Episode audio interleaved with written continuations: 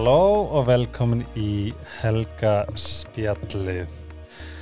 Vá, ég, ég, mér, ég er alltaf svo gladur þegar ég kem hingað og mér langar svo að vera þetta meira en svo er maður svo tregur að koma sér hingað. Ég er með svo góðan gæst ég er með Evi Dögg, frúna sjá mér. Í fyrta skil. Ég held að, já, ég held að þú sért fyrir utan röggunagla þá ert þú búin að koma Hvað oftast. er Ragga búin að vera oft? Mm, ég held allavega fimm sinnum. Á, ok, ok. En við erum, við erum að vinna að þessu. Já. Þú ert að fara að sparka henni út hérna bara úr fyrsta sætinu. Já.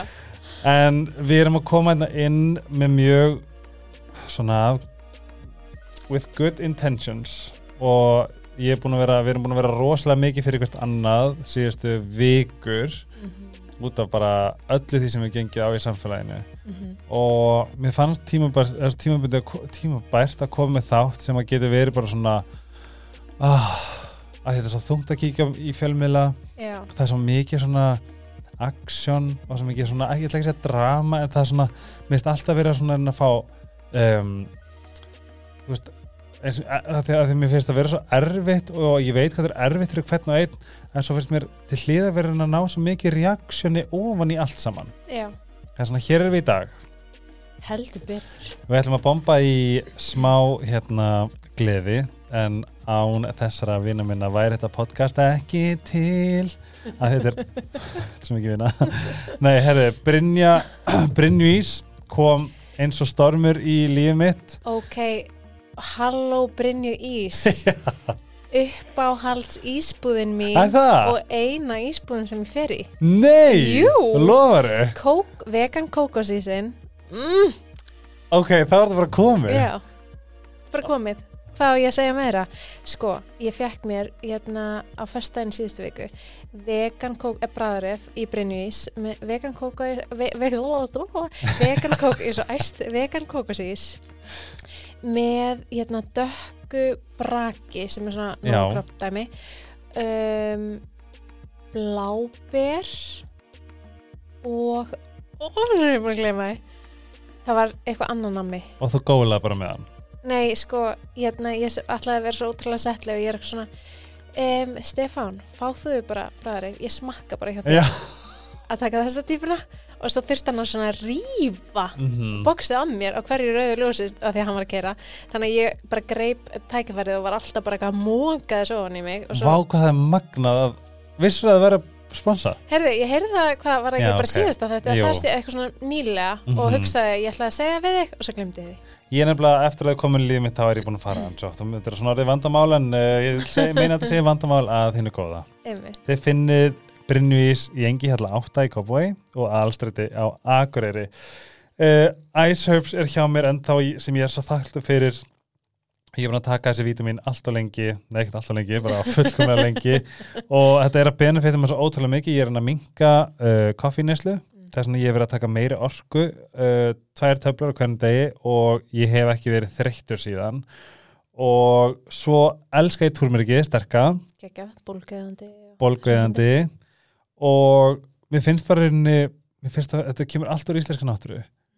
Þetta er bara svona, veist, ég elska þetta. Ég elska að taka, veist, þetta er svona ritual, mm ég tek náttúrulega líka Reykjavík ritual. The Hair Ritual sem er líka unnur í íslenskum mjörtum það er bara, ég nákvæmlega, held að sé svo ótrúlega mikilvægt að að, hérna, að fókusur eða vera meðvitaðari svona um hvað getum við nýtt úr okkar svona nærum hverfi og þeir sérðu líka það, þú sjáu innihaldin í töflunum og ég segi líka bara stiða við íslenska, íslenska marka þetta er Mhm. náttúrulega alveg íslenskt og fólki að bakvætti stórkastlegt, ég fekk, að hitta eiginduna og ég fekk bara svona vá.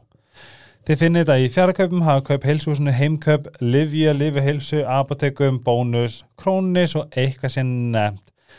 Ég myndi followa um, Dominus á Instagram að því að þar kom all tilbúin það sem við erum að taka upp núna eru netdagar sem því að allar sóta pizzur á maðsali er á 1790 þetta kemur allt bara beint á Instagramið þess að eða langar í pizzu strax bara eitthvað svona geggja tilbúð og svo líka þú veist ofta á þú veist það er með að leini TikTok tilbúð þú veist ég er alltaf svo mikill það? já ég er svo mikill svona haxer. Já, og það fer að detta í júni sem því að það er að koma nýjar pizzur á tríóið sem ég get ekki beðið eftir kvöldvættin er mjög skemmtilegt. Þetta er þess tilbúið sem kemur uh, setnipartin eða um kvöldin þar sem miðstara pizzu og góas kosta 1590 þetta er líka hag, sem að spyr mig. Er Sí- ekki síðan alltaf þrittari? Jú, all, halló, Þrittari. ógæslega fyndi ég var búin að bara salat í Já. eða þriðdægin og salatur hérna æ, svona hagköp hérna Salatbarni, og var búið með það og svo fletti ég á Facebook sá að þriðast tilbúið pantan pizza boran líka. Mm þetta er svona, Það það er svolítið mikið. Já, svolítið mikið góða. stundum er þetta bara svona. Uh, Sítokera sjálfsög með okkur og mér langar að mæla með Sítokera Beauty 30 daga andlit meðferðinni þar sem er um, anti-aging serumið, hairskinni nails face creamið og serumaskin ég ætla bara enn og aftur að mæla með anti-aging serumni það er bókstælega búið um turna húðinu minni. Ég er búin að vera með sérst, svona XM pyrring í skekkinni hérna undir hálsunum bara síðan ég mann eftir mér. Hann er full on farin og ég, ég byrja þetta á hverjum degi. Það er svona, og það er þetta kítosan sem er græðandi, þetta dreifur ertingu, þetta er bara bara fokkið snild lostið með okkur líka. Uh, magnaðar pýra baka það, ég myndi tjekka podcastið þær eru það líka og þær eru í borgatúni og lostið.is, Það er, er með mikið að sleipa. mjög mikið. Herri, ég fór í heimsa til þeirra. Já, og lappa út með boka, kekja. það var gekkja og ég bara svona eftir að ég fór þarna inn þá bara svona þetta opnaði nýjan heim fyrir mér. Ég er Og- alltaf á leiðinni.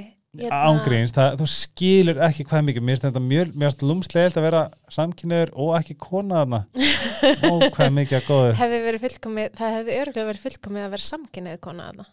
Eða hvað? já, nei, sko meira þegar það var svo mikið af dóti fyrir konur Vá, hvað er kona. gaman að vera með snýpstundum já, já. og svona, hvað get ég unni með, hvað getum við gert, hvað er það að gera plus Mm við erum svo einfaldir, það er bara að toga og Toga og kippa og já, það er bara er komið. Sleikja. en það er fullt í búið fyrir strákana sem ég myndi líka tjekka á. Ég tek, eh, mæli með Losta podcastinu. Það eru geggjaðar. Já, heyrðu, mér langar svo að hlusta það. og það eru erotíska sögurar Mm takk fyrir mig, elsku vinnir bara fucking love you. Hérna við erum komin yngað og við erum búin að taka þetta svona. Við vissum alveg að við myndum setjast inn á og tala saman í kringum alla göngutúrnar sem við fara í öll vídeospjöllin, öll Instagram vídeo, hérna call-in og og bara, og ég, ég verðast að segja eitt við þig sem ég var rosalega þakkláttur fyrir og ég get alveg tala ofnbjörn um þetta -hmm. þegar uh, síðasta hlaðavarp Sölva kom út og þá fann ég svo ógæslega stert hvað empathið minn kikka inn Mhm. og ég bara, oh my god, það er einhver að þjást og, og MB ætla búin að segja hann var í saglaus og allt þetta skilju Já. Mhm. það sem var svo skrítið var að það var svo skrítið að um, við erum ekki ölskakastunni lengur, við erum bara að spilla Já, og það sem ég var svo þakkláttur fyrir að því að þú veist ég posta eitthvað á vá ömulegt að skulle vera komið fyrir enda var líka bara búin að vera fyrirsögn hann er saklaus sem er Um. Og fólk sem ég er búin að vera sko, sem ég treysti og ég tek full ábyrg ég, var, ég var ekki þú ég var bara ekki í réttu mindseti En þetta er svo áhugavert að heyra bara þína hlið á þessu. Það hafa margir verið þar þarna. Já, þú og veist. þess vegna er líka að taka og þetta það upp er bara no shame, sko. Það er allt í lægi, þú veist, og svo grípum maður sig og hvað gerir maður næst, skilur að, já, sko því að máli er það sem er svo gott að að eiga vini sem að hjálpa þér að sjá hlutina skýrar hvort það sé að þessu leiti öðru leiti að því að þú hringdir í mig og bara ástum mín þetta er ekki svona svart og hvít þetta er ekki bara svona. Veist, þetta, þetta, þetta, er ekki, þetta er ekki það sem þetta snýst um. Mm -hmm. þetta er svo miklu stærra. Og þú komst mér svolítið á brautina sem ég er svo þakkláttur að vera á. Það sem að ég er bara veginn að því að líka sem skrítið að því að þarna var að vera að nota taktík sem ég upplýði mörg ár Já, sem Ég- það já, sem ég þekki. Og ég sá ekki gegnum það og þarna komum við líka inn á bara til dæmis andla ofbeldismenn og fólk sem kannski stjórna narratífinu. Og sérstaklega fólk sem eru svona empath, svo brjálar empath og eru bara svona, oh my god, það er einhver að þjást. Það bara búblar allt. Er svona, og til að hafa það á hreinu þá er hérna til dæmis bara svona andlir ofbeldismenn og empaths bara lethal. Þetta er bara, er bara versta kombo. Mm skilju og hérna þetta, búið, þetta, þetta var rosalega skrítið og hvernig, og hvernig þetta hafði áhrif á okkur öll. Og þess vegna er svo gott að setjast niður og fara svolítið yfir, þú veist, hvað getur við lært? Þú veist, hver eru tólin, hver eru hver, hver, hvað getur við gert og hvernig höldum við áfram? En þú ringdir í mig og ég ætla ekki að segja að tókst með að teppið en þú hjálpaði mér að sjá stórumyndina Mm. en þess að segja mér frá því svona, hvernig byrjaði þetta þér? Þegar það er eins og þú, þú varst svolítið brauðdríjandi í þessari umræðu þú bakkar ekki niður og þú vissi nákvæmlega hvað það snýrist um. Getur þið sagt mér frá því svona hvar, hvernig þú navigeta þetta svolítið bara frá byrjun? Sko um, ég held að sé bara svona svolítið mikilvægur punktur og ég veit alveg að þetta er punktur sem er búin að koma fram marg oft núna í um, umræðinni en samt alveg punktur sem að ég ég held, ég held einhvern veginn allir vissu en það vitaði samt ekki nóg margir að það eru bara 2-8% hvenna sem að hérna, þú veist, eh, leggja fram kæru eða saga eitthvað um ofbeldi er að ljúa. Þetta er rosalega lágprósenta Einmitt. og, og ég þekki, ég hef aldrei kært neitt eða neitt svo leis en ég þekki rosalega, rosalega mikið af vinkonum mínum hafa Mhm. gert það um, og ég held að eiginlega bara flest allar konur eiga vinkonur sem hafa lent í ykkur svona ferli um, og það verður ekki gengið vel. Og það er rosalega erfitt. Það er bara, mér finnst bara galið að fyrsta go-to hugsunin hjá samfélaginu Mm -hmm. sé að hún sé að ljúa Já, það verður að ljúa upp á annan mann. Af því að það er svo ótrúlega hverfandi líkur á því. Mm -hmm. og, og ef maður er alltaf að ljúa eða þú veist svona er þá ekki, þú veist, þetta er bara svona hvort er betra að trúa lígara eða eða ekki standa með fórtalambi skilur, þú veist, ekki standa með þólanda Þetta er nefnilega bara svo sem er líka svo skrítið því kjölfarið. Ég, meina, ég veist ekki að þú hefur verið beitt ábyrðu til dæmis fyrir þetta, Nei. skilur þú opnaði um þína sögu. Mhm. og og það var ótrúlega tryggerandi Einmitt. ég, þú veist svona, ég viss alveg jú, jú, þú veist um, þetta er uh, alveg erfitt að þú veist, ég skammast mér smá og eitthvað svona en, mm, en hérna en bara, þú veist Ertu það að tala út frá skömm sem þróast út frá, frá já, þú veist, það, eða, þú veist þetta er bara eitthvað svona einhver stjúp skömm í að tala opinskátt um eitthvað sem að ég er búin að fela í mörg ár. Já, og, hérna, og það er alltaf eitthvað svona þegar maður verður fyrir ábyldið, maður skamma sín alltaf aukni og þetta er það sama, þú veist, ég var að tala um þetta með bara um, ádraskun og líka bara svona geðsjúkdóma, þú veist, það er Mhm. líka eitthvað svona skam þar og eitthvað, Einmitt. þú veist, ég held að samt þegar maður verður fyrir ábyldið þá er skammin svo ótrúlega djúbstátt að það er einhvern veginn partur af ábyldinu er að láta mann finna fyrir þessari skam eða þú veist, það er svona einhvern veginn fylgir með þannig að þú veist bara það að deila sögun minni á Instagram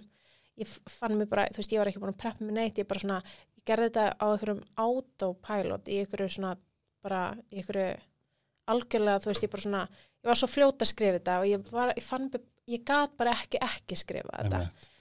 og ég var ekki búin að, þú veist, og svo leiði mér svo illa, ég var eitthvað búin að skrifa þetta allt og var að fara að posta þessu og það var eitthvað svona, ég verð að ringja ég verð að ringja í mömmu Mhm. ég verð að ringja í Stefán, kærstu minn og ég var, mér leiði svona eins og þau þurfti að gefa mér leiði Mhm. og, og Stefán var æfingu og gæti ekki stegið síman mamma svaraði ekki, ég reyndi að ringja hana og ég er eitthvað svona, að ég það ekki að posta þessu. Nákvæmlega. ég er varð að posta þessu. Og þar fyrir utan þá er ég bara fullan kona og ég bara má posta þessu en þú veist, mér leið svona eins og að þau þurft að gefa, þú veist, bara leifa mér það, þú veist, bara eitthvað mamma og kærasti minn. Og, og svo posta þessu og ég fór í gegnum bara svona sko litróf af tilfinningum Já, í kjölfarið. í kjölfari, þetta var bara svona virkurdagur, kvöld og ég var bara svona, þú veist þetta var svakalegt og það sem að gerðist var að það var fólk úr fortíðinni minni, þú veist bara vinir sem ég var að vinna með og sem að tengjast, veist, ég nefni þarna tvo gerindur um, eitt atvik sem gerist þegar ég var 14 ára og svo þegar ég var 18 ára í sambandi í tveggjar sambandi samt og hérna og fólk svona ekki reyndar frá því ég var 14 ára en frá því ég var 18 ára fólk sem að tengdist mér þá innan við bara tveim myndum eftir ég postaði þetta postaði þessu, þá er alveg nokkri af þeim búin að hafa samband við mig Einmitt. og bara, ég, hugsa, ég er búin að hugsa svo oft um þetta og okkur ég gerði ekki neitt, okkur ég saði ekki neitt og, og okkur, þú veist, eitthvað svona. Og svo klukkan 08.00 ég er búin að segja rosalega fá um þetta daginn eftir þá sendi einn af gerundum mínum mér bref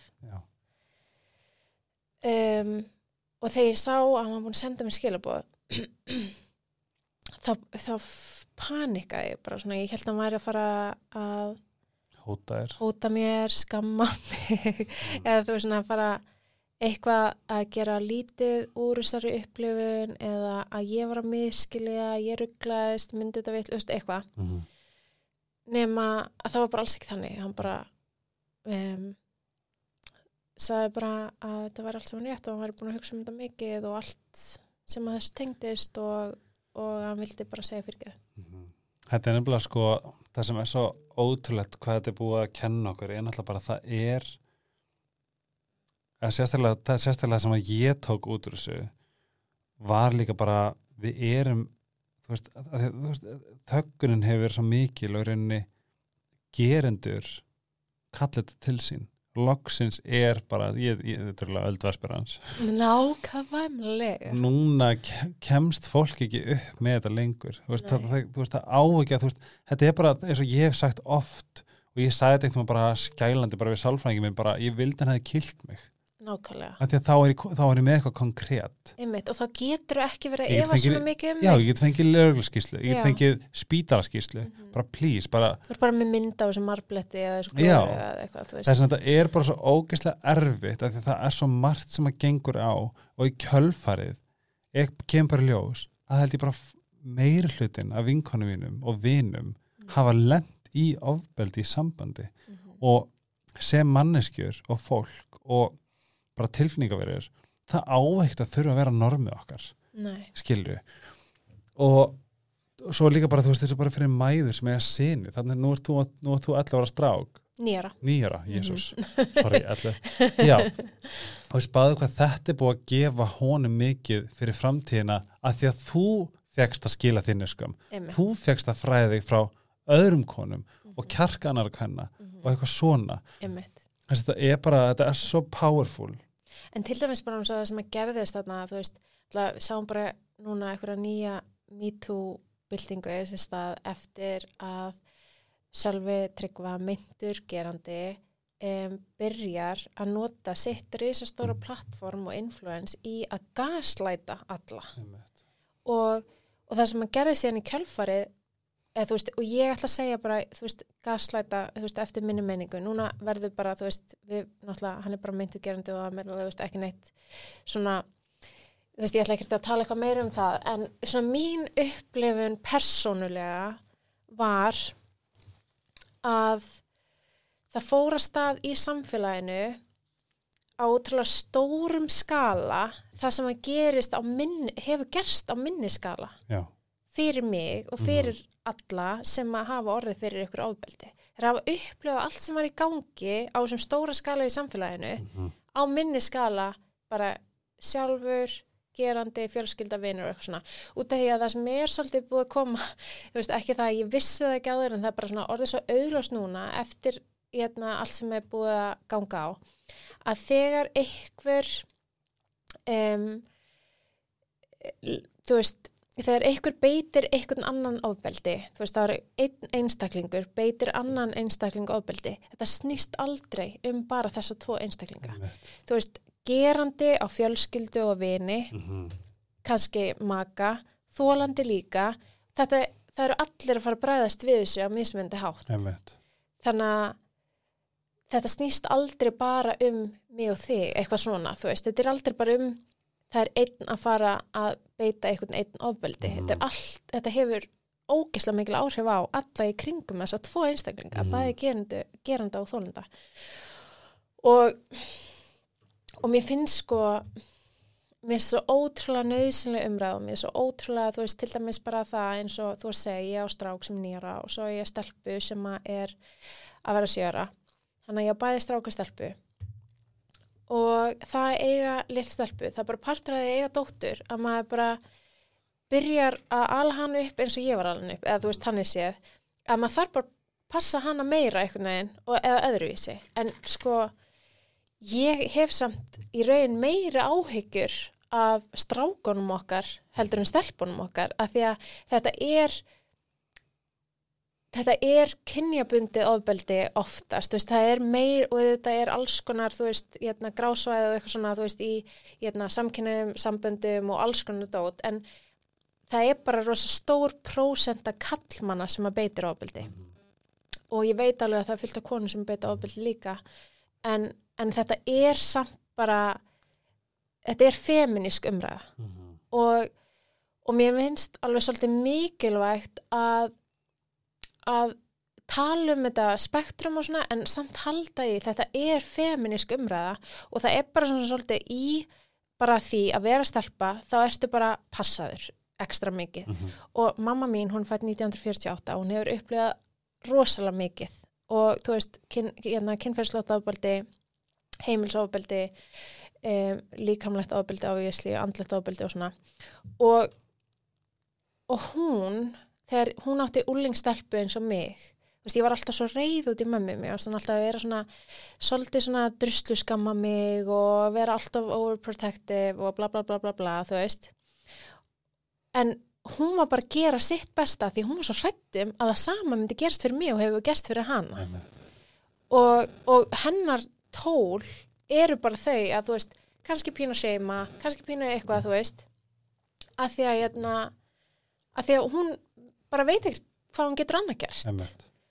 Þess vegna er þetta líka svo stort moment í okkar kultúr að þetta hafi gerst núna. Að því að, að, því að einmitt bara þessi fræðsla, þessi vakning Mhm. er einmitt að fara að hjálpa að gera öllum, eða ekki öllum mörgum maðurum, feðrum klift að gera hlutina með miklu meiri vitnesku ymmit og með því að, að, að, að það sé verið að deila sög, sögum hvort sem þessi beintenging eða eitthvað sem þú lest. Ymmit þú eru ekki hvernig að kalla út um Mhm. allt og þú hefur einhvern veginn ekkert núna, veist, þegar, þegar það er ekki búið að draga eitthvað upp á yfirborðið, þá hefur einhvern veginn smá ómeðvitað með þetta val um að líta framhjá því.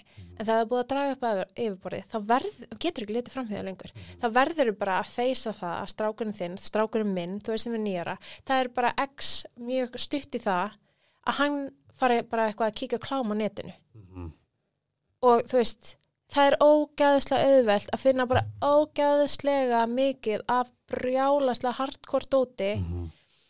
um, sem að þessi konun er Strákur oft sem líka bara er- lítilækkuð já, það sem að það er einhvern veginn lenskan að lítilækka konur og og bara þú veist, þetta feðraveldi er bara svo yfirgnafandi í öllu bara sama hvað þú lítur á þú veist, ég menna, það er bara þannig og það er bara rosa stór umræða en, en, en svona mainstream, easy, accessible klám gengur svolítið út af það að niðurlækka konur þú veist, bara þeim finnst geðveitt að fá bara brund framan í sig og nota það sem facial veist, það eitthvað-. Já, þú veist, ég er ekki að segja það alltaf lægi ef að þú fíla það í eitthvað þínu sambandi og undir örugum aðstæðum og þú bara Mhm. byður um það. En þú veist, en að þetta sé svona, það venjul, að svona, að það, er svona bara?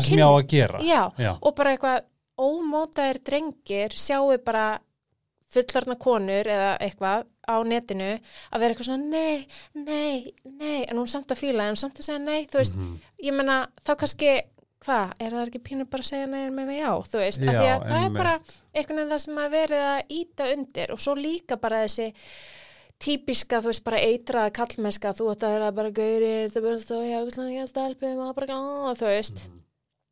Þess vegna er þessu ókslega þakkláta böti mín eru í hjallastöfninni sem er bara feminisk skólastefna Já. það sem er bara verið að íta undir mýkt hjá drengum, íta undir kjark og hjá tilfinning. stúlkum tilfinningar Mhm. og bara, þú veist og mér finnst þið svo hræðilega leðilegt að horfa upp á hérna, tilfinningaríka, mjúka svon minn, fiskin Já. að sjá hann, ég meina, hann getur alveg átt einhver macho moment, skilur Mhm. en þú veist ekki að eyðilega mýktina þú veist, og þegar þetta byrjar allt, þú veist, það mikilvægt, þú veist, það sem ég er búin að læra bara e, núna í minni bara svona að vera að vinna úr mínum áföllum og fara til þeirra pesta og fara bjarkalið og fara hvernig aðkværu og alls konar að þú veist, hvað getur maður gert fyrir, þú veist, út af því að forvarnastarfi er svo ótrúlega mikilvægt og bara svona, hvað get ég gert fyrir börnum mín um, til þess að sé, til þess að þau getur bara, þegar þau lenda í ofbeldi, það eru bara svona meir líkur að því að minni, Mhm.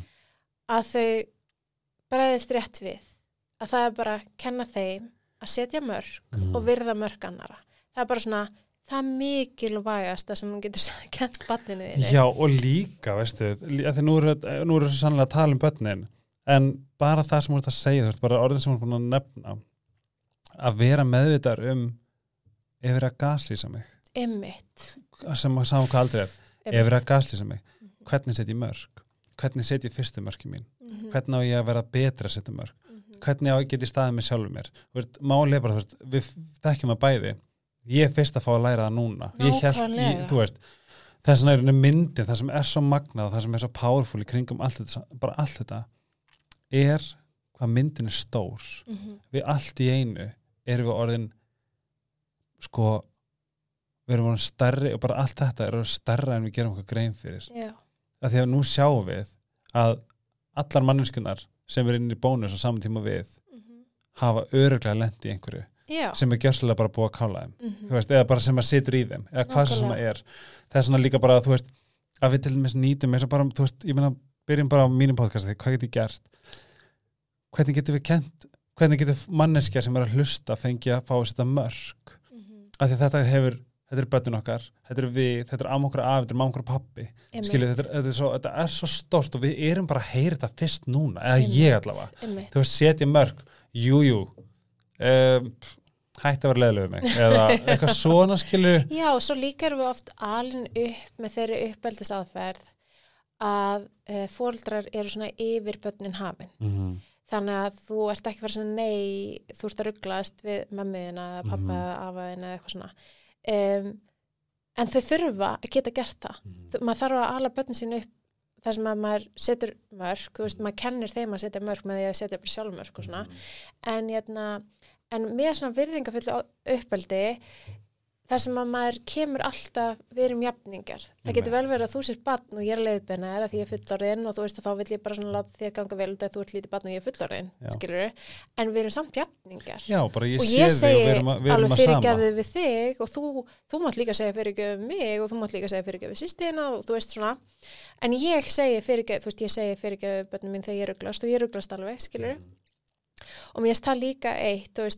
ég auðvitað er spektrum á ofbeldi. Mhm. og en ég, þú veist held sko að það má ekki alveg taka þessu umræðu þá hún er svo öflug og taka hana og þinna hana í eitthvað, já við erum öll við fyrir öll við mörganar, við erum, við erum öll að, þú veist, hvernig ert þú búin að hérna, beita ábyrðið verulega, þú veist, út af því að það er alveg þannig að ég hef örglega ég hef beitt ofbeldi Mhm, á einhvern hátt, mhm, af því að ég er manneska og ég er ofullkomin mhm, og það er bara partur af því að lifa mhm. er að lifa og læra. Maður gerir eitthvað stúpid, þú veist, bara að vera ókslega leðilega vinkonuðin í tíðandabæk, skilur og þú farir ókslega mikið samanskipið til ég er ókslega illa og þú bætir upp fyrir það. Þú lifir og þú lærir, þú gerir betur, þú veist, og svo eignast maður börn og Þetta Þá allt í byrjar tími maður bara- because when you know better, you do better já, og þú veist, og maður eignast börn og þá allt í hennu byrjar maður að hljóma eins og mamma sín eða pappi, þú veist, eða eitthvað svona, byrja að segja alls konar, Ég heyri skammast bara í yfir einhverju. þarna, Oh my god, I'm my dad Já, og hérna, en þú veist, og svo missur þú bara kúlið, þú ert bara ógeðslega þreytt mamma, Mhm. það er bara allt í fokkin fokki, skiluru, og, og þú bara missir kúlið og bara öskrar á börnin. Þú, ég vil ekkert vera mamma sem öskrar á börnin mín, ég hef samt alveg gert það. Mhm, Það bara andaði djúft inn í maga og ég segi, fer bara til þeirra og segi, og þú veist, og ég, þetta gerist, og því meira sem maður er svona með þetta um það, því minna gerist það, mhm, en ég meina, auðvitað gerist það. Og það fer ég bara heyrðu mamma rugglaðist núna. Mamma átti ekki að öskra. Mhm, mamma er bara þreytt og það er ekki ykkur að kenna. Mhm, og fyrirgeðu ég öskra. Mhm. og svo tekur maður bara ábyrðina á sig við erum fullan við byrjum ábyrð og bara fyrirgeðu Þarna komum við að en orðið bö- fullar, full, þú veist fullar fólk gerði það kannski ekkert svo oft Nei, en málið er bara þarna er kom orðið sem við erum að fara að taka líka ábyrð. Já, Þetta til dæmis kendi þessi MeToo-bylgi okkur harkalega og sérstaklega að því að maður hugsar ef maður hefði lent í sömu aðstöðum og sölvi ef hann hefði í staðin fyrir að mér taka þetta podcast og fengi lögfræðing og eitthvað svona ef hann hefði tekið ábyrð frá byrjun pældi hvað narratífið væri allt öruvísi einmitt. og þetta finnst mér vera stærsta, eitt stærsta orð í okkar nútíma samfélagi að taka ábyrð serði ég þig? Leði mér að taka ábyrð fyrir því. Skilju, hvað er ábyrð? ábyrð er að gera sitt besta til að gera betur. Einmitt, með fyrirgefningu. Fyrirgefning þýr ekki skít nema að sé ekki gjörningur á nákvæmlega. þú veist, þarna líka komið þetta þú getur ekki bara að sagði, ok, fyrirgeðu fyrirgeðu, þú veist. Ég bara, ok, þú veist ég, þú veist, ég man það bara næst, Mhm. fyrirgeðu ég, ángast, ég, skal, ég skal alveg segja fyrirgeðu þú veist þetta er svo, og þarna kikkarinn þetta, þú veist, andlega ofbeldist dæmi hjá mér skilur ég heyri aldrei einmitt. skilur en það sem veiti mér ánægju er að segja fyrirgeðu af hverju, að það læti mér líða betur. Ég veit að ég skeita á mig. Mhm. ok, þegar ég skýta á mig, hvað ger ég? Þú veist, ég skeini mér og svo, þú veist, og langar mér ekki að skýta á mig aftur, skilur þú veist, Nákvæmlega. og ég bara held að þetta, um ábyrð fyrirgefning. Allt þetta, Mhm. þú veist, af hverju og þú veist, það er svo skrítið, af hverju er þetta eitthvað svona fjarr okkur að segja og gera? Þetta er svo, þú veist en það er líka bara, jú, jú, við erum með egoðan okkar við viljum ekki, þú veist, þetta er eitthvað svona, við viljum ekki eitthvað bátnum, stolt, alls konar dæmi sem kikar inn, en það sem ég er alltaf að læra meira og meira og við, við sjáum það þarna núna, ef að Pállin hefði verið öðruvísi, hvað hefði verið mikið virðing til, eða meiri virðing Já, geranda, hvort sem ég andað líkalegt kynferðslegt, ef að það bara tekið ábyrð það er alltaf þannig, sko. og þetta er eitthvað sem ég vil að fólk hugsi að því ég ég eiti átt árum að leita af ábyrð nei, já, að einhver annar taki ábyrð fyrir, þú veist, særendum og var alltaf að leita. Og sömulegis fyrirgefning. Ég heyrði, fyrir, fyrirgefðu átt árum eftir að byrjum saman.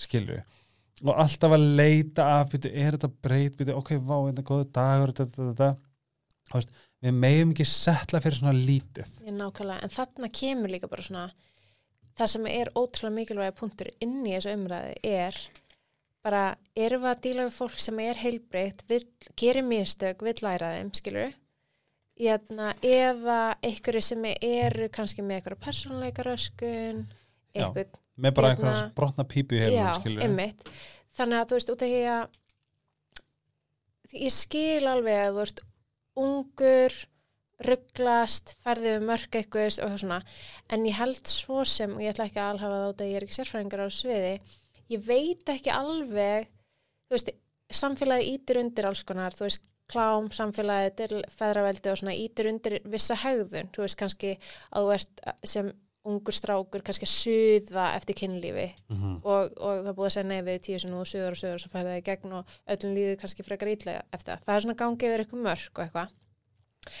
En þú veist, ég veit ekki alveg hversu mikið maður er alveg fullkomlega hérna,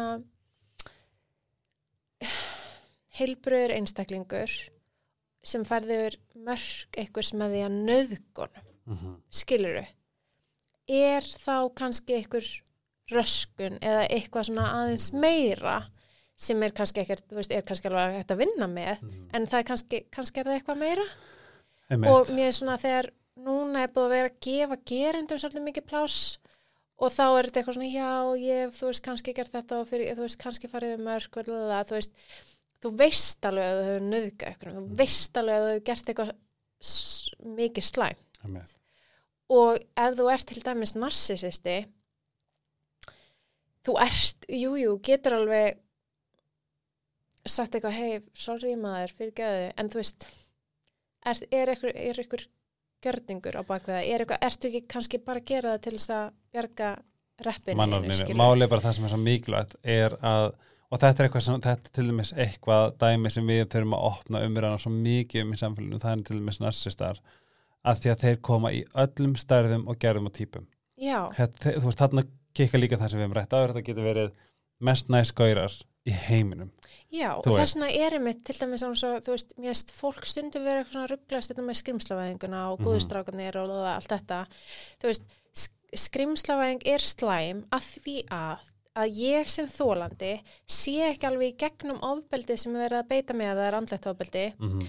að því að skrimslavæðingin er svo mikil að ég held alltaf að ef einhver er að beita mig ofbeldi þá er hann bara 100% pjúra skrimsli en þú veist flest allir ofbeldismenn og ég næst, ég ætla ekki að segja allir en svona stór hluti ofbeldismanna Mhm. og við erum að tala um alveg bara eitthvað, veist, bara frá ráðmorðingum, barnanýðingum nöðgurum menn sem beita andlega ofbeldi, þú veist, hvað sem það er þeir eru ekki skrimsli 100%, þeir Mhm. eru hér sem með allt hlið- já, þeir eru með hlið á sér sem er skrimsla hlið Mhm. og er rosalega ljót og gerir rosalega eitthvað svona skuggalið sem að hérna, lætur þá gera eða þú veist, sem að það sem að þeir eru að gera hræðilega ljóta hluti Mhm. svo er restin af, af þeim er kannski ekkert skrimsli Einmitt. er kannski bara eitthvað sem er sjarmirandi, Mhm. skemmtilegur góður vinnunni, Mhm. bara klár þú veist, alls konar getur meira þess að vera bara eitthvað kærleiks krútt bánsi sem allir Já, elska og ég menna, þú veist, og maður hefur heyrt, þú veist, ég menna bara í kringu sig, ég menna, sögur án svo með, hérna, eða bara svona tilfelli af, þú veist, án svo barnanýðingar til dæmis, að þú veist, oft er það einhver er í fjölskyldunni, Mhm. þú veist, afi, bróðir, Mhm. frendi, Mhm. stjúpappi, eitthvað, og þeir eru kannski bara, þeir eru bara 80% bara næs, Mhm. en 20% eitthvað alveg rosalega hræðilegt. Mhm. og, og það eru svo mikið, þú veist, ef maður horfir bara svona á eitthvað svona stóra fræga, eitthvað stór fræg tilfelli, þú veist, þá bara getur maður tekið Woody Allen, Mhm. snillingur í að gera bíómyndir, Einmitt. ógæðslega klár, hann er ekkert gangandi skrimsli, Nei. en hann samt var með stjúpdóttir sinni, Mhm. eða Michael Jackson, sem er eitthvað okkur gráðsvæði, alls konar segur um Bob Dylan, nei, Bob Marley, fyrir ekki þau, Mhm. og hérna og þú veist, og svo erum við með ykkur jókagúrua og alls konar dæm, þú veist, ég meina það er glæð endalaust, þú veist, og svo, katólska kirkjan. Já, og ég meina alveg svo Ted Bundy sem er náttúrulega bara fjöldamorðingi og sjarmatrall drap konur og nöðgæðum eftir eru dánar sjúkla sætur og sjúkla sérmandi allir geða til hann, þú veist, hann var ekkert eitthvað, þú veist, og það er það sem að ruggla mig svolítið mikið þegar maður lendir í ofbeldi á hvaða tægi sem er. Einmitt. Að maður er búin að horfa bíómyndir og alls konar sem þetta er sett upp í brjálu skrimslavæðingu og, og hérna, það kemur tónlist sem er eitthvað það er ofbeldist tónlistin, Já. það er eitthvað hræðilegt að gerast Einmitt. og það kemur sækopattin í myndinni og er að gera Mhm. eitthvað, þú veist, og eitthvað og það er svo mikið svona við erum með svo mikið að svona dæmum Mhm. svo þegar við upplifum ofbeldi sjálf þá er þetta bara kærstiðin sem þú elskar. Og er bara ennþá skotin í honum. Þú er bara skotin í honum og elskar hann ógæslega mikið. Og hann beitið ofbeldi. Það kemur engin tónlist. Hann er ennþá uh, maðurinn sem var, var stafsfangina Mhm.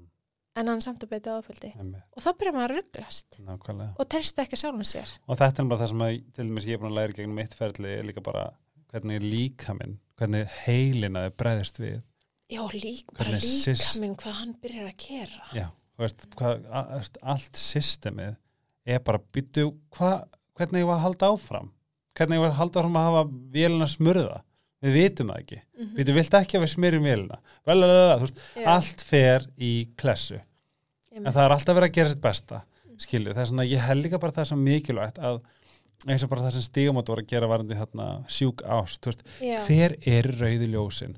Og, og hversu skeri er það að labba út úr sambandi, hversu rámt er það að labba út úr sambandi þar sem að er potential í aðila? En þú Já, elskar hann, af einmitt. hverju ættir að labba í burtu? Þú veist, ef þú ert vanur andlega ofbeldi, ef þú ert vanur vera niðurlegur og þú getur alveg brössað af einmitt. skilur, þetta, þú veist, þetta er bara svo ógæðslega erfitt en þegar maður hefur lent í þessu þá, er það, þá vil ég ekkert meira. Þetta er bara, ég finn bara ég bara, þú veist, brennur í mér að reyna að vernda þetta fólk að reyna að hjálpa því að reyna einhvern veginn hugsa því þetta- vitundavakning og því meira sem við tölum og opinskátt um svona hluti því meira hjálpar það þólundum Einmitt og þess vegna finnst mér þessi umræð að hafa verið svo mikilvæg að því að máli er bara við höfum allt vald til þess að vera guðdómlega verur að setja einhvers konar vald í hendin á einhverjum til þess að validata þig eða sjá hvað þú ert í rauninni glorious mér er skýt sama hvað þú vinnur við eða hver þú ert að hvað þú gerir eða hvað þú segir. Við, það erum við, bara ef einhverjum út er að hlusta. Við erum svo fullkomin og mögnuð.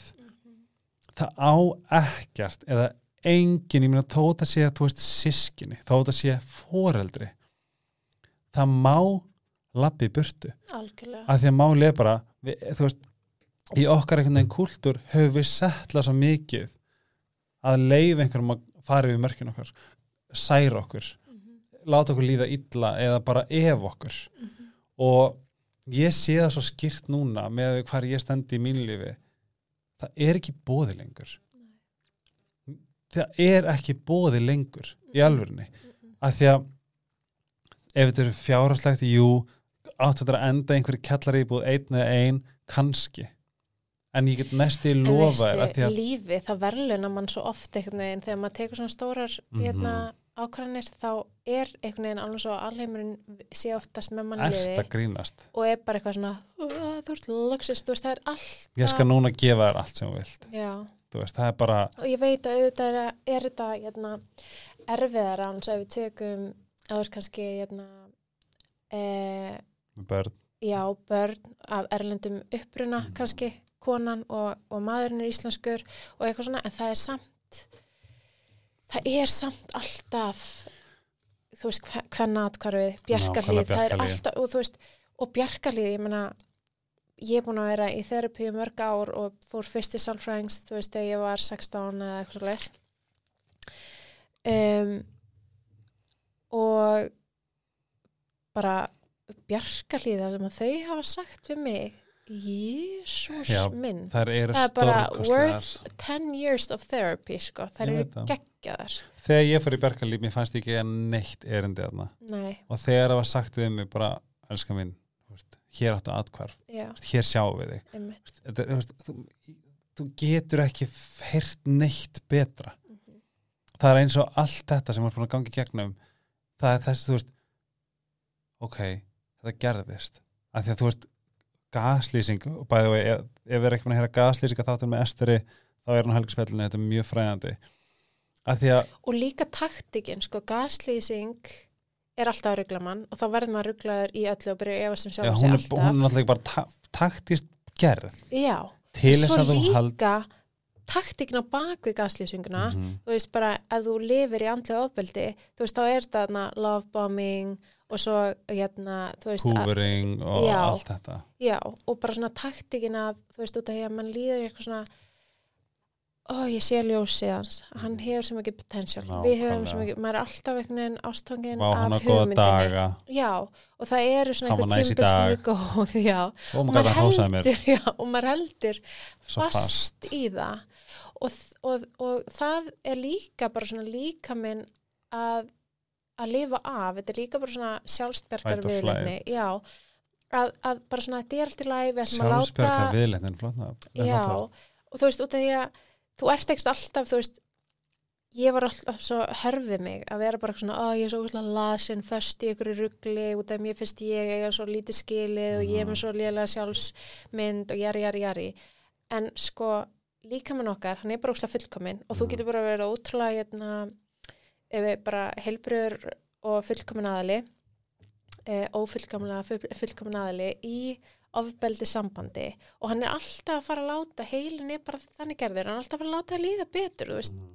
og þá ertu bara að fókusera á þetta góða þú ert, þú veist, og þá og þú manst ekki, þú veist, og það er líka sjálfsbyrga viðlitni, þú manst ekki alveg, þú veist, allt helli sem maður hefur lent í, það er svona óljóst, en Einmitt. allt þetta góða er crystal clear, Nákvæmlega. þannig að þú veist, og það er líka bara líka minn og heilin að hjálpa þér að lifa af í erfiðum Einmitt. og þetta er svo það rugl- góði er punktur sko. Þetta er svo og þetta það svo- er, og veist, og það er svo mikilvægt að, að, hérna, að því ég tala bara sem rísandi megja og kona sem er rosalega hörð við sjálfan sig Mhm. að þú veist og líka búin að vera mikið í Alanón sem er æði og mæli með því og allt það en þú veist það er er, maður endalega svona að taka ábyrð og það er ótrúlega holdt að taka ábyrð og eitthvað svona. Mm. En málið er bara að þú, ef að einhver, er- þú getur bara ekki tekið ábyrð á að einhver annar sé að beita ábyrði. Nei. Það er bara ekki þín ábyrð. Þú, það á enginn það skilið. Og, og það er svo ótrúlega mikilvægt að vera bara góður, viss, hægt að vera svona ógæðslega harðið við þig Mhm. og bara, þetta er alltaf lægi. Þú gerði bara þitt besta Mhm. og nú getur ekki gert meira.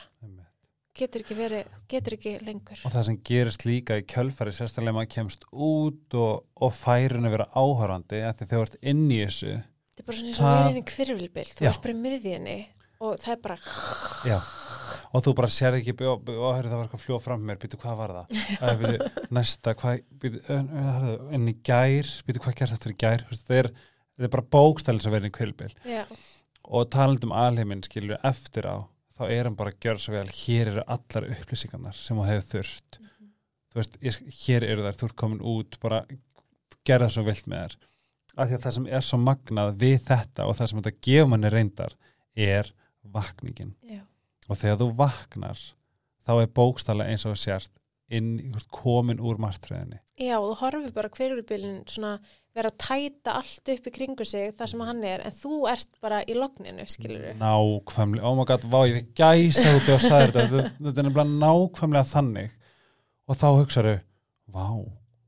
Ég var bara hann inni. ég var þarna inni. Og svo rýfur þetta upp hús. Já, og ég minna ef, ef að aðili beitir einu andlu, einum aðila andlegt ábeldi þá eru allar líkur að hann sé að fara að bæta, bæta næsta aðila ábeldi og eins og einn í narsisisma þá er það bara kallað hérna, supply. Einmitt. og það er bara sama, þú veist, supply, hvað er það, það þú veist, bara, það, það er bara svo moskító, skilju þau þurfa bara að lifa af með Bara blóðinu. svona parasite. Já, og gerið þið hægt rálega veikan, bara andlega líkamlega, bara heil, meira þess að meira þess að eru atvik þar sem heilin á aðila bara fokast upp. Já, og bara konur verða öryrkjar og Já. þú veist, Þess vegna, til dæmi sérstaklega bara ef einhver annar úti hefur átt maka sem er narsisti eða bara, eða bara aðila sem er að beita höfuð. og líka, og ég Þú veit að núna erum við að tala svolítið mikið svona í samböndum og þú veist, og mér finnst rosalega mikilvægt að halda þessari MeToo-byltingu en þá eins og ég var að segja hans áðan, að þetta er, þú veist, verið að bregðast við ofbeldi að sjálfsögðu, en þetta er líka svona þetta sem er svona fast í samfélaginu, fast í kerfinu, að það er einhvern veginn munurinn á kynunum, þú veist, að, að þólendur eru oftast st- stelpur og Mhm. og gerendur strákar. En auðvitað er andlegt ofbeldi sérstaklega til líka í vináttusambandum Vinandi sambandum, fjölskyldusambandum vinnust á vinnustað, skilju og bara það er svo gott að geta verið með svona býtu, hvað er þetta? Af hverju er þetta svona? Að því að stundum er bókstara svarið, já, aðlun narsisti, hann er, þetta, þetta, og að vesta við að þetta kemur til dæmis frá uppheldi já. þetta kemur frá, kannski, kannski eru bara einhverja pýpur í hausnum sem eru bara brotnar mm -hmm. það er ekki hægt að laga þetta mm -hmm. og þá einumlega eina sem hægt að gera eina, eina, eina, eina, eina, eina, eina eina sem hægt að gera er að kvæta út já. ég er ekki tjóka það er ekkert læra um þetta og lesa um þetta og mér finnst til dæmis mjög gott veist, fræða sig. þarna 112.is er með alls konar Er hérna, já og bara hvernig atkvarið og alls konar. Með bara þú veist hver er munurinn á slæmum samskiptum og andlet Mhm. ofbeldi? Þú veist hvað, hvað er þetta og svona? Að því að því meira sem maður fræði sig og því meira sem maður sér ok þú veist og líka bara til dæmis svo hérna þegar maður er til dæmis ég upplýði þetta líka þegar ég fór í Alnón að þá byrja maður eitthvað svona, já, ég þá, þá fer maður svona kerfi og, og skilur Mm. hvernig allt virkar að þú veist, já, ég er aðstandi alkoholista um, svona er dýnamíkin, þetta gerist erlega, og þetta er ekkert einstæmi, þetta er ekkert persónulegt, þetta gerist fyrir alla Mhm. og svona er þetta Mhm. og maður lærir það og það sama, já, þetta er bara formúla. Og það sama er með ofbeldis fólk að þú veist þeir gera svona, svona betur ofbeldi svona, svona, svona, þetta er bara formúla og svona bregst maður við sem gerandi og svona bregst maður við sem þólandi dalala, þú lærir þetta bara, þetta er ekki neitt persónulegt nei. og þá fær maður einhvern veginn tengslinn sín aftur. Þá er maður ekki svona einn tíndur ok, ef, ef þið voru að hlusta á þetta og tengdu við þetta spólið hans tilbaka og hlusta á þetta aftur af því að það sem hún sagði var spottan mm þú tala bara pínu rætt sem alltaf -hmm. er svona að farið tilbaka og prófa að hlusta á þetta einu sinni viðbúð af því að bókstaf það sem hún sagðir var orðrétt hver einasta, hvert einasta orð var spottan Mhm. þetta, þetta getur bjarga lífum skilju Já, þú veist, og þetta er, mér fannst allan svo gott, þetta er ekkert persónlegt. Nei. Þetta er bara formúla, það, þú ert ekki einn týndur alveg að upplifa, þú veist, því það er það sem maður upplifir, maður er svo einn og maður missir tengslin og þú veist, loka sig af og eitthvað svona. En loka þetta er ekki, þú ert ekki einn og þetta er ekki einstæmi, þetta er ekki persónlegt, þetta er bara, svona er þetta. Og því meira sem þú lærir um það því minna tekur þessu persónlega og þú stendur kannski einn en það standa svo margir bara, þú veist, Já. grætnaði líka. Algjörlega, þetta er bara með svona fræðislu þetta er svo magna og það sé svo skýrt líka bara með allri byltingunni. Ef að tveir punktar sitja hjá þér eftir þetta vá, og líka gjöf. bara eins og þeir, þú veist alveg svo, eins og þetta byrjaði allt þetta með eitthvað svona slúður sem og það er eitthvað slúður og eitthvað verið að dissa það fólk sé að slúður og ljúga upp á fólk og bla bla bla bla. Sko þetta er bara það sem við notum til, þetta er ekki slúður þetta er bara að segja hei, þessi þarna gerði þetta og þetta við þessa passaði á honum. Mm -hmm. og það er allt í lagi. Hvað hefum við annað að gera? Réttakerfið er ekki að hjálpa okkur. Þú veist, við erum búin að sjá núna ég er búin að sjá eitt dæmi bara í hérna, blöðunum og annað dæmi mjög nálægt mér. Það var náttúrulega þetta það sem að landsréttur hérna, tók tilbaka síknaði eftir að það var búið að sagfella hérna, geranda. Mm. þau bara hættu við, þetta er ekki einstæmi þetta er bara orðið frekar algengt hér á landi sem er hræðilegt. Mhm. og svo önnur kunningakona mín, hún er búin að vera að standa í þessu tvö og hálft ár, síknaður að því, og bæði tilfellin var eitthvað um, þú var ekki hérna, nógu full hún var ekki nógu full, hún sagði nei. Hún, eða skilur, hún var ekki nógu full, full til þess að geta ekki sagt nei. Þú veist þannig að þetta er alltaf eitthvað svona já en þú verið var svo ógæslega full. Þú ætti bara að passa að vera ekki full og dauða þannig út í veit en svo þegar maður er ekki alveg nógu fullur að þú veist, þá er maður ekki nógu fullur. Mhm. þú veist, eitthvað svona, eða skakkur eða hvað sem það er. Og, jötna, og réttakerfið það er bara ekki hannað fyrir svona mál. Og þetta er alltaf, þú veist, orðumóti orði. Þú veist, þetta gerist oftarist í einrúmi og eitthvað svona og engin vitni. Þannig að þetta er bara einhvern veginn, þú veist, réttakerfið er ekki hannað fyrir þetta, þetta er ótrúlega erfitt að fara með þessum mála, það tekur ótrúlega langan tíma, það er ótrúlega erfitt fyrir þólunda kostar ógstlega fyrir pening og þú veist, og bara andlega erfitt fyrir þólendur og, og hvað getur maður annað gert? Ég meina, þú veist, og ég og vinkunni sem hafa farið í gegnum svona og meir svo unni mál okay. samt segja þær, aldrei kæra. Það- aldrei kæra, bara ef þið eru nauðgað ekki kæra, Oh my god. Það er bara miklu verra heldur en fokkin nauðgænin sjálf að fara í gegnum þetta shit every day, þú ert bara endur upplifa atbyrðin, hitta gerandaginn. Þú veist, tala við fullt af fólki sem er alltaf eitthvað svona Að já efa en ha hvað, mm, Einmitt. þú veist. Og, og segja söguna hundrað þúsund sinnum og svo kannski óvart segja hann að pína öðru í seginu sinni að þú ert bara illa stemdi eitthvað. Mhm. þá er það að nota gegn þér, þú veist, Einmitt. eða eitthvað. Þannig að, þú veist hvað höfum við annað heldur en að tala um það í leini segja vinkonum, passaði þessum, hann gerði þetta. Þessi þarna, ég held að hann hafi sett eitthvað út í drikkinni á vinkonum minni. Þú veist, þessi þarna, hann er óksla, þú veist, hann var með hérna, vinkonum vinkonum minnar í tvö ár og hann beitt hann á ofbeldi, þú veist, við höfum ekkert annað heldur en þessar um, slúðusögur Nákvæmlega. til þess að bara hjálpa. Já, til þess að Já. verja hvort annað. Og þú veist, og það er svo gott að slúðusögurnar er núna eiginlega ekki slúðusögur lengur. Núna erum við bara öll að hafa svolítið hátt og tala um þetta opinskátt. Mhm. Af því að það er það, það sem við höfum þetta er bara svona, við erum að að við erum að kleim bjarga mörgum Já. eða þú veist, við erum bæði að tala um þetta þannig að fólk verður með þetta Mhm.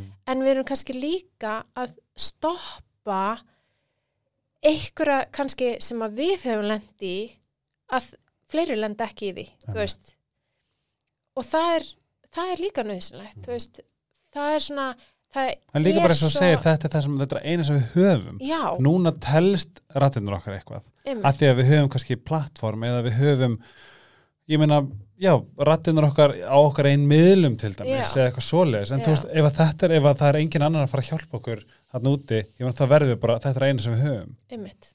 Og til þess að hjálpa þeim kringum okkur og bara, þú veist, svo aðri lendi ekki því sama og til þess að klára þessa umræðu mm, þá vil ég bara segja fræðið ykkur standið með ykkur sjáuð hvað eru geggjuð eins og eruð og hvað meira og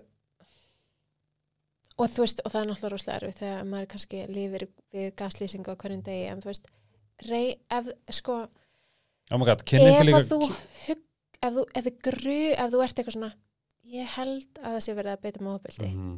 Þá eru 99,9% líkur að það sé verið að beita ofbeldi. Þannig að ekki efast um sjálfæði, þú veist, Mhm. reynda efast ekki um sjálfæði, Mhm. þú veist, ef það eru eitthvað þarna, þú veist, einhverjar hugmyndir í kollunuðinum hmm, þú veist trúðu því. Ég segja, ég held að hún eða hann sé ekki góðu fyrir mig. Já, þá er einmitt 99% líkur að hann sé ekki góðu, fyrir einmitt. Og bara, og hérna líka það sem mér langar að segja, kynni ykkur gaslýsingu eins mikið og þið getið því byrjaði helgarspjallinu, af því að eftir að ég var bara í örgulega daglir gaslýsingu ég sé hann út um allt.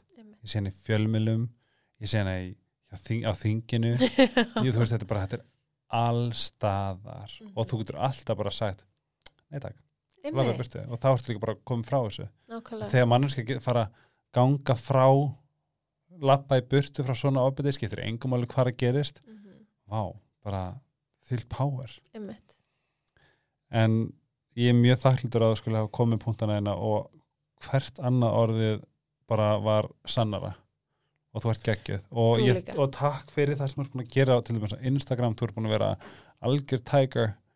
Og ef þið fylgið henni ef þetta grúnast þá bara you're in for a treat. In for a treat Við að ræða seasonin sem að var að detta inn á? Heyrðu, það er Gemini season Oh tvíburinn og tvíburinn Helgi á bráðum ámali Oh my god. Og þetta er svo skrítið veist þetta er svo fyndið af því að við tölum um þetta daginn. Ég held náttúrulega að þú veist ég er að þrítur og þetta er eitthvað svona þetta er bara, ég ætla bara ok, bara svo lengi sem ég er í formi þegar ég er þrítur, svo lengi sem ég er bla bla bla bla bla, bla. og ykkur að segja þið vinni mínu sem er að hlusta um, eða vinni mínu og þá er að tala um alla hlustendur þeir eru allir vinni mínir og ég er mjög þakklútur fyrir að þessi að hlusta. Það er að ég fyrst var alltaf verið í betra formi. Uh, þetta er þetta bla bla bla bla og allt í einu var þetta bara komið í það ég verð að vera komin úr sambandinu mínu fyrir þrítu ég verð að ganga inn í, þrí, inn í þrítugasta árum mitt heill en ekki brotin. Einmitt, og það sem er svo magnað er það að ég upplýði þetta sérstaklega sunnudaginn eftir Júruvísa partí Röddin kemur stundum. Mhm, krútlega röddin okkar, innsæð okkar sem við erum öll með. Mhm. og ég bara svona, ég heyrði þetta upp bara svona, Helgi, ég held að það sé alltaf lagi. Bara þú, það ég held, ég held þetta sé bara að koma, þú ert bara actually á góðum stað. Þú ert ekki að fara að pompa niður, þú ert ekki að fara að gráta Mhm. í dag. Einmitt, og þú veist, bara vá og þá fekk ég bara svona oh my god, og það er 29. mæ eða eitthvað what er nei, 20. og annars Sjötti. þetta er 23. þá þetta var Amelia Dæni er ekki Amelia Dæni mín, það, nei, en það bara svona, vá, hún sæði þetta og ég treysti röddinu mínu svo mikið mhm, og ég trú ekki þessi komi það er svona svo skrítið að það er margir bara eitthvað hvort ég er líka að fagna að halda upp á það veist, 30 stór tala COVID er að vera búið, bara þetta tilvæli til þess að bara leiða Petrisítur og hafa partí. Já, en eins og sagði við bara ef hann er að huglega með mér á ammálastæði minn mhm, má ég fá því klukktíma viltu bara gefa mér smá Sage og Pála Santo og bara huglega með mér? Af því að ég bara svona, mér lýður sér útskrifast. mhm. Mér líður eins og Bara skrifast úr 20 og eitthvað á skólanum. Já, nákvæmlega sem var ógeðslega erfiður. Já, ég get bara ímyndið mér ekki það ég hef ekki farið gegn hérna háskóla próf mentun gráði whatever ég get alveg ímyndið mér að sitja á þjóðbóklöðinni rángaður fram að að skrifa einhverja þýsis masterritgerð og þú ert búin að skilni inn og þú fer bara svona oh, nákvæmlega. Oh my god, þetta er búið. Mér líður þannig. Já, ég er komin í gott form sem var svona aukaðri en ég meina, Mhm. þú veist, var partur af bara part, bónus ég er að segja það, partur Já. af einhvern veginn 30 blablabla. og ég vann frá því þegar ég fekk taugafalli í, desember svo ég reyndar eftir að taka fyrir í þessu helgarspilli um, ég búin að vinna dælega bókstælega, Mhm. ég held að ég hef ekki lent í einum degi sem ég markvist vann ekki sjálfur mér og þurfti að tala við sjálfur mig, peppa mig gera eitthvað form of self-care. Þú veist, ég er búin að gera það upp á dag. Er búin að og það er ótrúlega vel gert. Já, bara, þú veist, ég man, síðan 16. janúar hef ég ekki kíkt til mér á samfélagsmiðla það sem, Mhm, sem tengist fyrir einmitt. Ekki eitt, Mhm. ekki eitt story ekki eitt profíl, ekki neitt. Og nú er ég að fara að ganga inn í þrítusaldurinn og ég er bara svona vá, bara fram á við ég bara my god, eitthvað geggjað ævindýri já það er líka bara, og ég get bara sagt okkur það svona, en ég- líka bara, ég held að sé svo mikilvægt alveg svo nú ert þú búin að ganga í gegnum bara svona erfiða tíma og gengur svo inn í þrítusaldurinn sem nýr og betri maður Einmitt. en hérna líka bara, það er það er líka bara gott mm Mhm. gá, þú veist, ég meina það sem að manni finnst erfiðast og sem að kannski skamma sín mikið fyrir og finnst, þú veist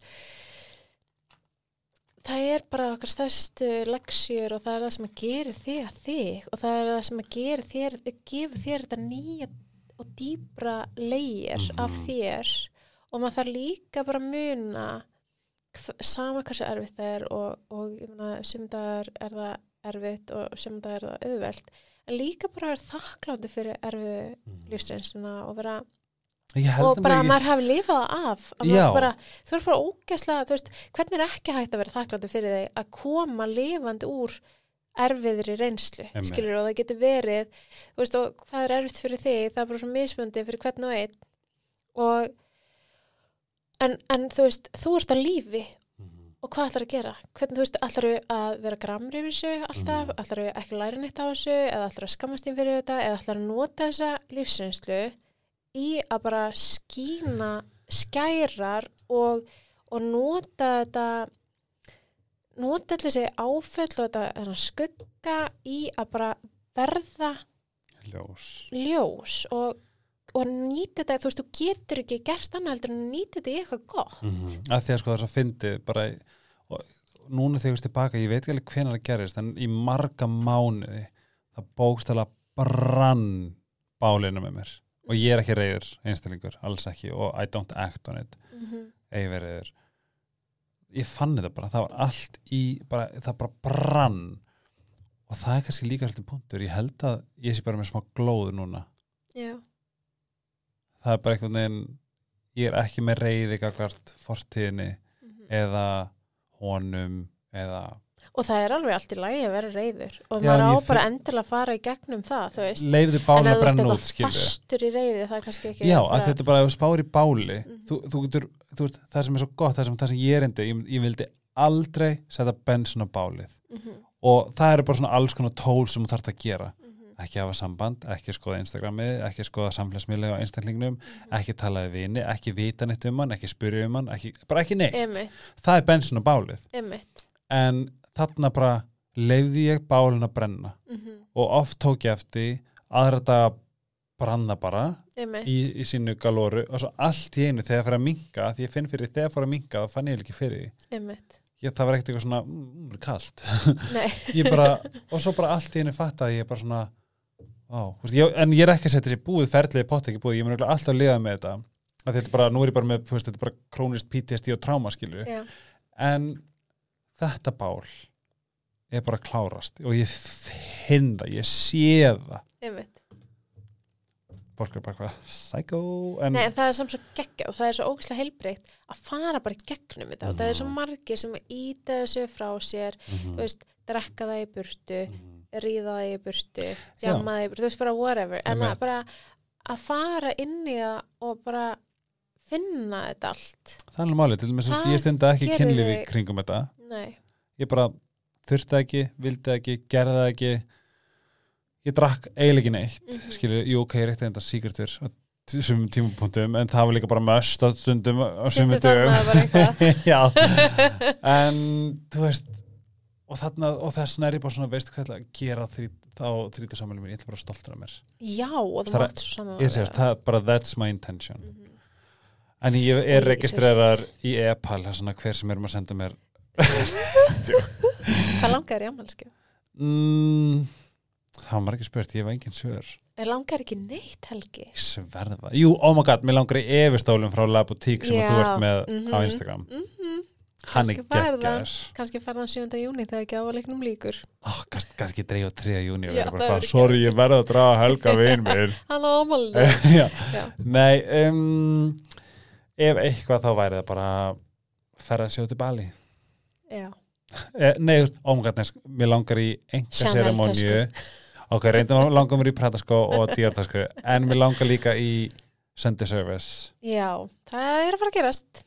það er að fara að gerast við, þetta sem við rættum í podcast með þér og daginu, Mm. það er eitthvað svona það er eitthvað sem gefur og heldur áfram að gefa Mm -hmm.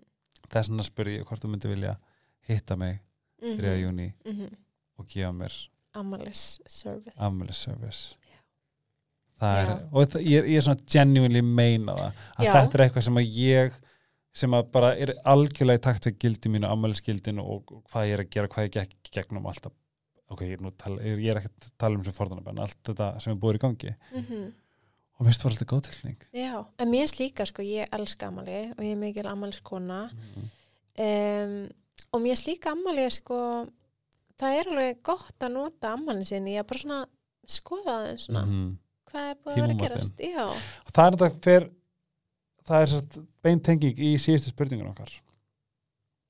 Um, þegar núna erum við svolítið svona heilunarperrar. Já, hvað er á döfinni þar hjá þér?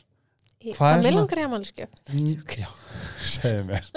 Ég held ég, ég, held ég, ég, held ég, held ég geti valið hendar amalskjöf allavega, Ok, þú myndir velja svo fína amalskjöf Ég held Já, um, en þá er ég að tala um þú veist, þetta er meira bara svona áframaldi spiritual markmið. Bara svona á komandi tímum. Hvað er svona þitt verkefni í þessu þessum litla sjálfs ástar, perra, heilunar sko um, ég er náttúrulega að elska svona heilunar hérna, heilunar dúll og, og bara alltaf til í alls konar verkefni mm -hmm.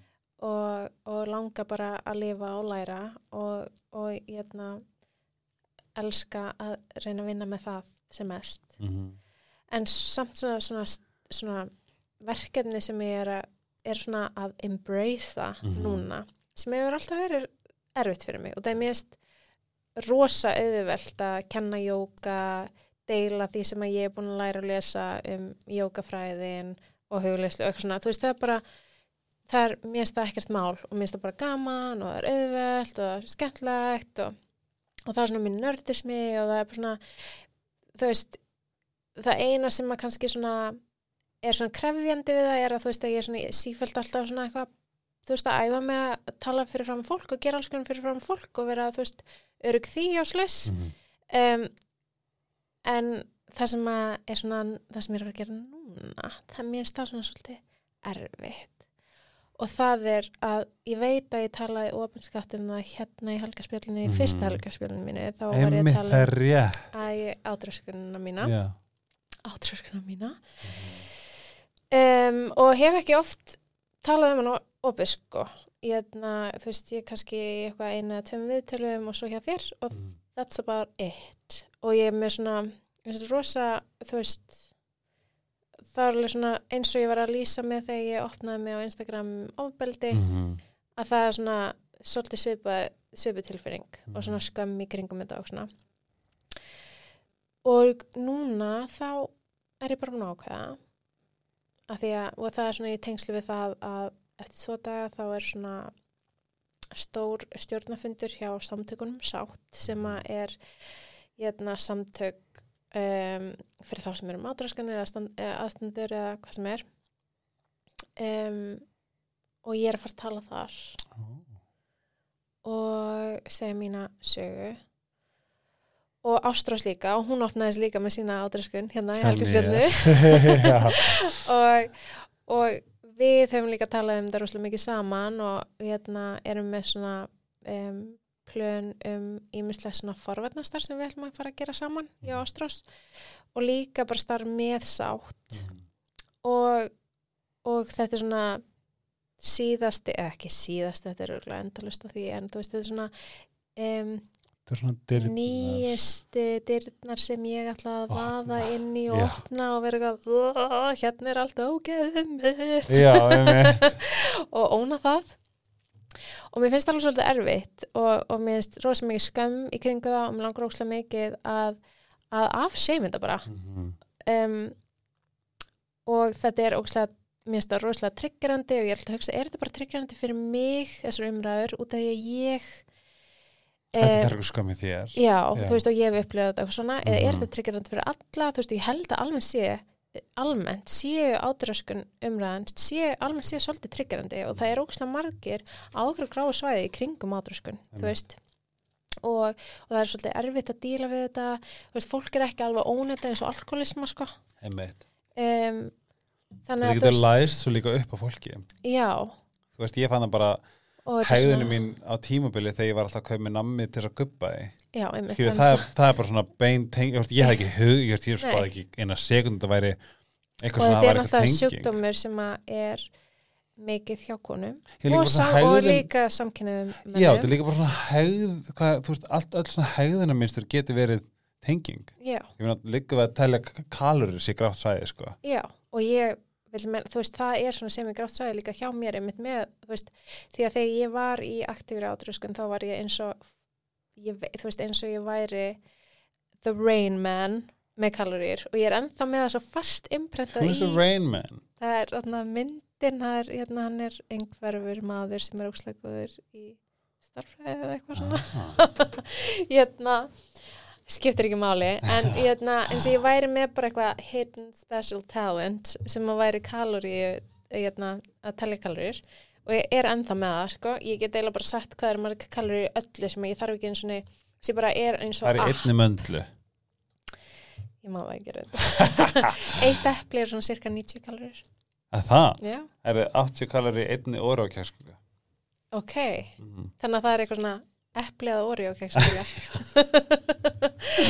hérna en já, til dæmis bara ás að þetta sem við erum að tala um núna, það getur alveg verið triggerandi fyrir Mhm. þá sem eru aktífri átrúskun já, já, já. og, hérna, og fyrir þá sem eru í bata og og örgulega bara triggerandi fyrir marga þetta er ógslag svona þú veist, ógslag mikið fáfræði líka í kringum en sjúkdóm, þú veist margir er eitthvað, þú veist, fæði bara að borða En það er líka svo skrítið, það er ekkert verið að tala um þetta í dag eins og áður. Nei, Þegar ég var ekki 2000 neitt. 2006. það er alveg nóg af fólki sem er veikt sko. Mhm.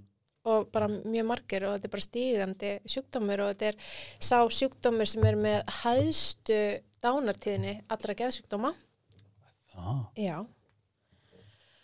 þannig að þú veist þetta er alveg mjög þarft að tala um þetta og, og mér langar bara að tala meira um það og vera meira þú veist í einhverju ofinni samræði um þetta bara á social media og almennt séð Mhm. alltaf í staðan fyrir þú veist að ég um, var veik fór í bata og bati er alls konar og hann, það getur alveg verið einhver tiny relapse og Mhm. eitthvað um, en ég bara svona allir ekki tala, allir ekki tryggja neina allir þú veist bara að gleyma þessu Mhm. og, en það er alltaf að, að þetta er bara partur af mér Mhm.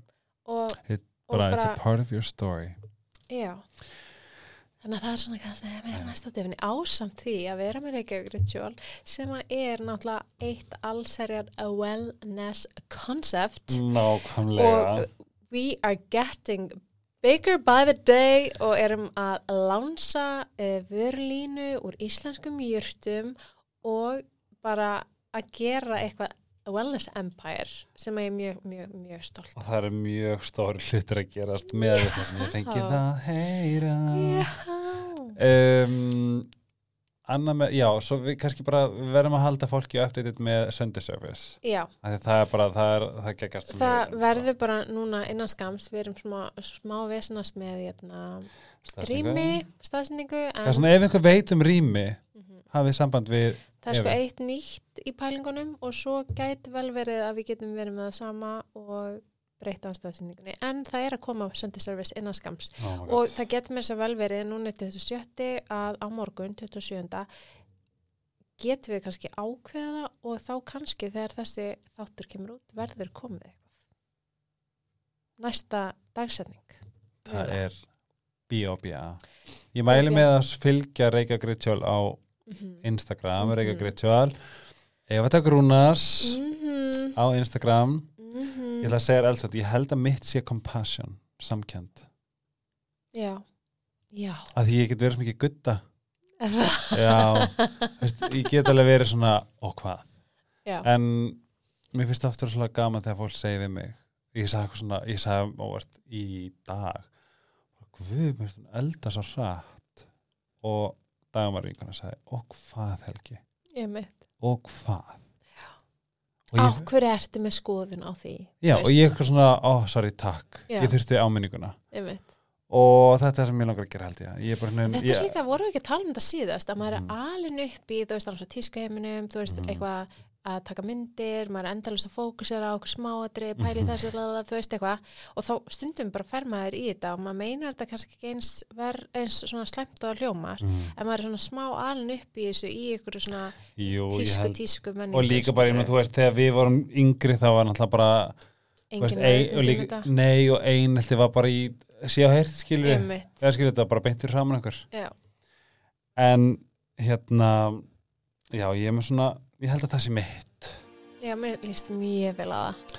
Ég skal bara hjálpa þér að æfa þig. já, bara Já. og líka bara, þú veist, áminningar eru góðar og ef það er þarna úti og getur mynd vini og vanda mér að segja "Ab, en kemur eitthvað við? Eða, Nákvæmlega. og hvað, Og það er mjög holdt Einmitt. Sítokær, oh my god, með afsláttakóðunum helgarspjalli getur þið ekki afslátt sítokær.is ég glemt að segja. Sýðurlega.is Sítokær, C-H-E-T og C-A-R-E.